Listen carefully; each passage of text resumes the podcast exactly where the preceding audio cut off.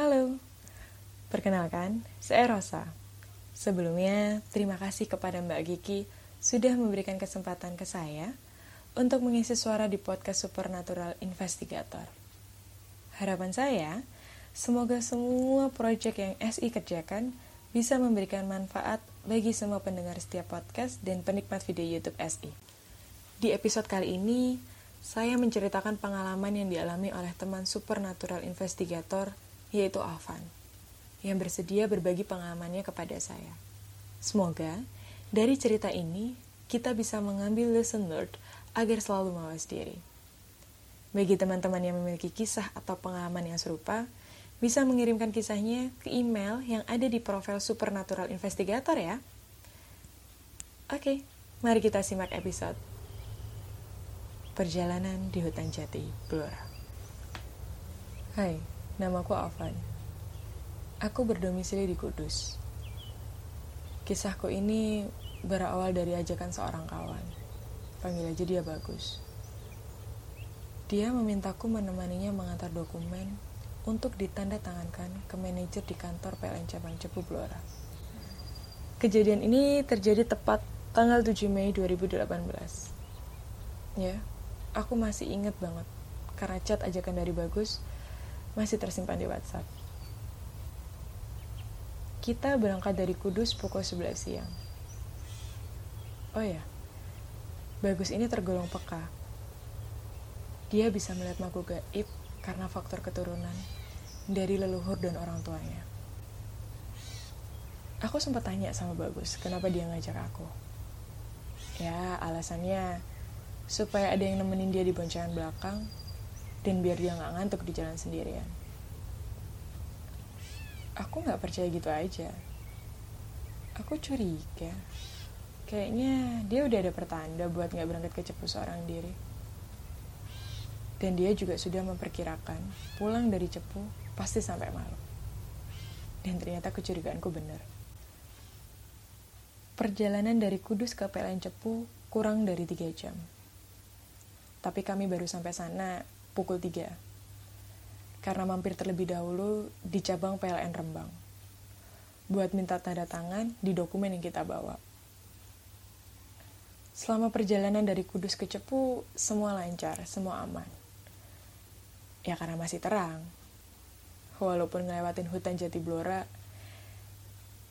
yang setiap ngelewatin sana ngasih aura dan sensasi yang berbeda. Kita nunggu agak lama, hampir dua jam.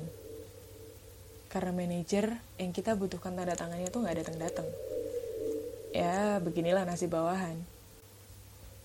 Kita pulang dari PLN Cepu sekitar jam 5 sore.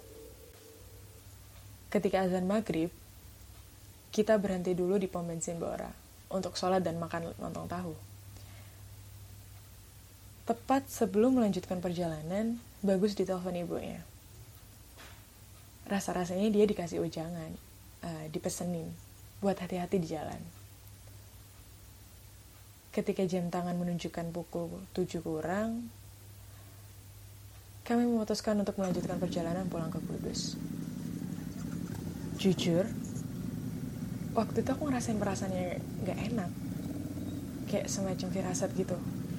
Ditambah, aku ngebayangin malam-malam lewat hutan jati blora yang terkenal angker.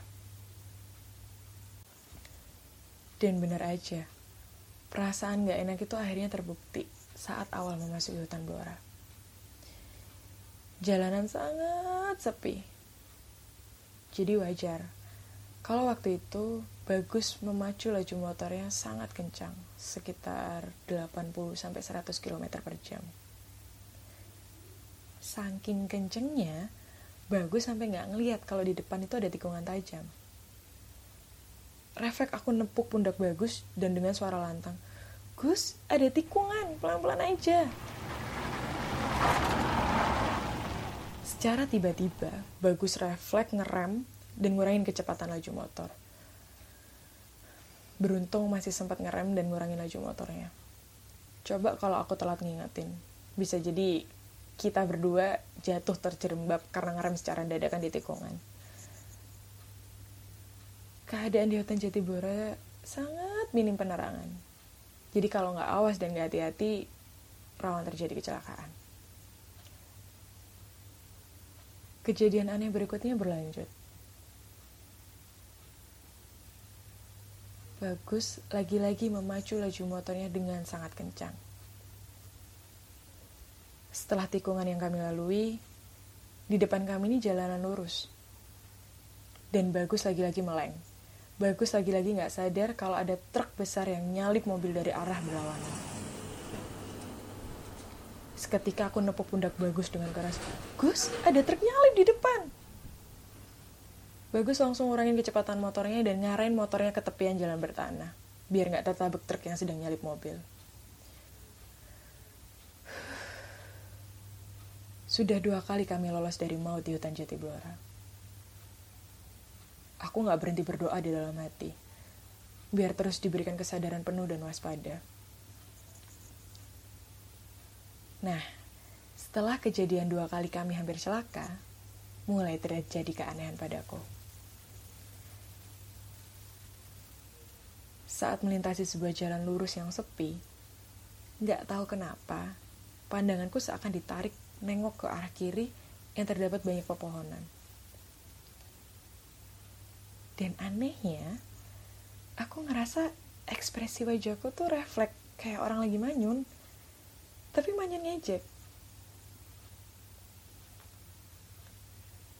tiba-tiba bagus nyeletuk memecah dengan hutan. Van nanti kalau kamu lihat sesuatu abaikan aja ya. Gak usah komen apa-apa diem kok men Gak lama setelah Bagus ngomong kayak gitu, seketika bahu sebelah kiriku tuh rasanya berat banget aku ngerasain ada yang aneh sama Bagus. Yang tadinya dia memacu laju motor itu kenceng banget, tiba-tiba jadi pelan banget. Sekitar 40 sampai 50 km per jam. Bahu kiriku rasanya berat banget. Kepalaku pusing. Dan saat itu aku nyadarin ada yang aneh sama aku. Karena aku ngerasa energiku terkuras dan badanku tiba-tiba lemes lemes banget aku terus berusaha jaga kesadaranku dan dalam hati aku berpikir aku berdoa semua doa-doa yang aku ingat aku doain aku ucapin aku nepuk pundak bagus aku tanya Gus sebenarnya ada apa sih? Kenapa tadi kamu kok bicara gitu? Ada apa sebenarnya? Kamu lihat apa? Lama banget. Dan pertanyaanku nggak digubris sama si bagus. Kayaknya dia males buat ngejawab dan terus memacu motornya nggak seberapa lama aku mulai sadar. Ada yang nempel di pundakku karena rasanya nggak kayak biasa. Rasanya berat banget. Kayak ada yang aku pikul di pundak bagian kiri. Aku ngebatin, aku berdoa dalam hati, semoga nanti sesampainya di Rembang, sesuatu yang menempel di pundak kiriku akan hilang. Dan benar, sampai di Rembang, rasa pusing dan berat di pundak kiriku tuh seketika hilang. Bagus melaju motornya dengan sangat kencang. Dan akhirnya kami sampai di Kudus sekitar pukul 9 malam. Bagus berhenti tepat di depan pagar rumah. Kemudian aku turun dan tanya lagi ke Bagus. Gus, ada apa sih tadi? Kok pundakku sebelah kiri berat banget ya rasanya? Benernya, aku tadi tuh lihat Mbak Kunti pas di jembatan sebelum pepohonan, Pan. Terus dia ngilang. Lah pas aku lihat sepion sebelah kiri, kok aku ngeliat Mbak Kunti tuh nempel di pundakmu.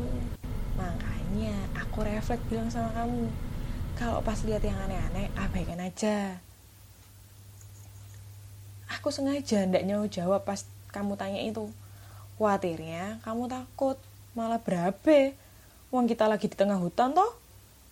Terus kamu sadar ndak motor jalannya tuh jadi pelan banget? Ya iya. Kenapa kamu tiba-tiba jadi pelan Gus? Ya gimana ndak pelan bang mau bebannya nambah. Ya pasti abot toh berat. Lah kui si mbak kan ikut dibonceng. Bagus menjawabnya dengan santai saja dengan terkekeh jadi itulah pengalamanku ditempelin Mbak Kunti saat melakukan perjalanan di hutan Jati Blora. Mungkin dari pengalamanku ini bisa sebagai pengingat bagi kalian yang akan melintasi hutan Jati Blora atau tempat lain yang dirasa angker. Jangan lupa berdoa terlebih dahulu dan sebisa mungkin selama perjalanan untuk selalu zikir agar terhindar dari gangguan makhluk halus. Karena dengan terus mengingat Sang Maha Pencipta, kita bisa tetap waspada dan terhindar dari hal negatif yang tidak diinginkan. Tahu nggak? Setelah aku nyelesain tulisan ini, pintu kamarku tiba-tiba terbuka secara perlahan. Pintu kamarku ini terbuat dari kayu nangka tua, yang berat banget. Jadi kalau itu angin yang gerakin, rasanya mustahil.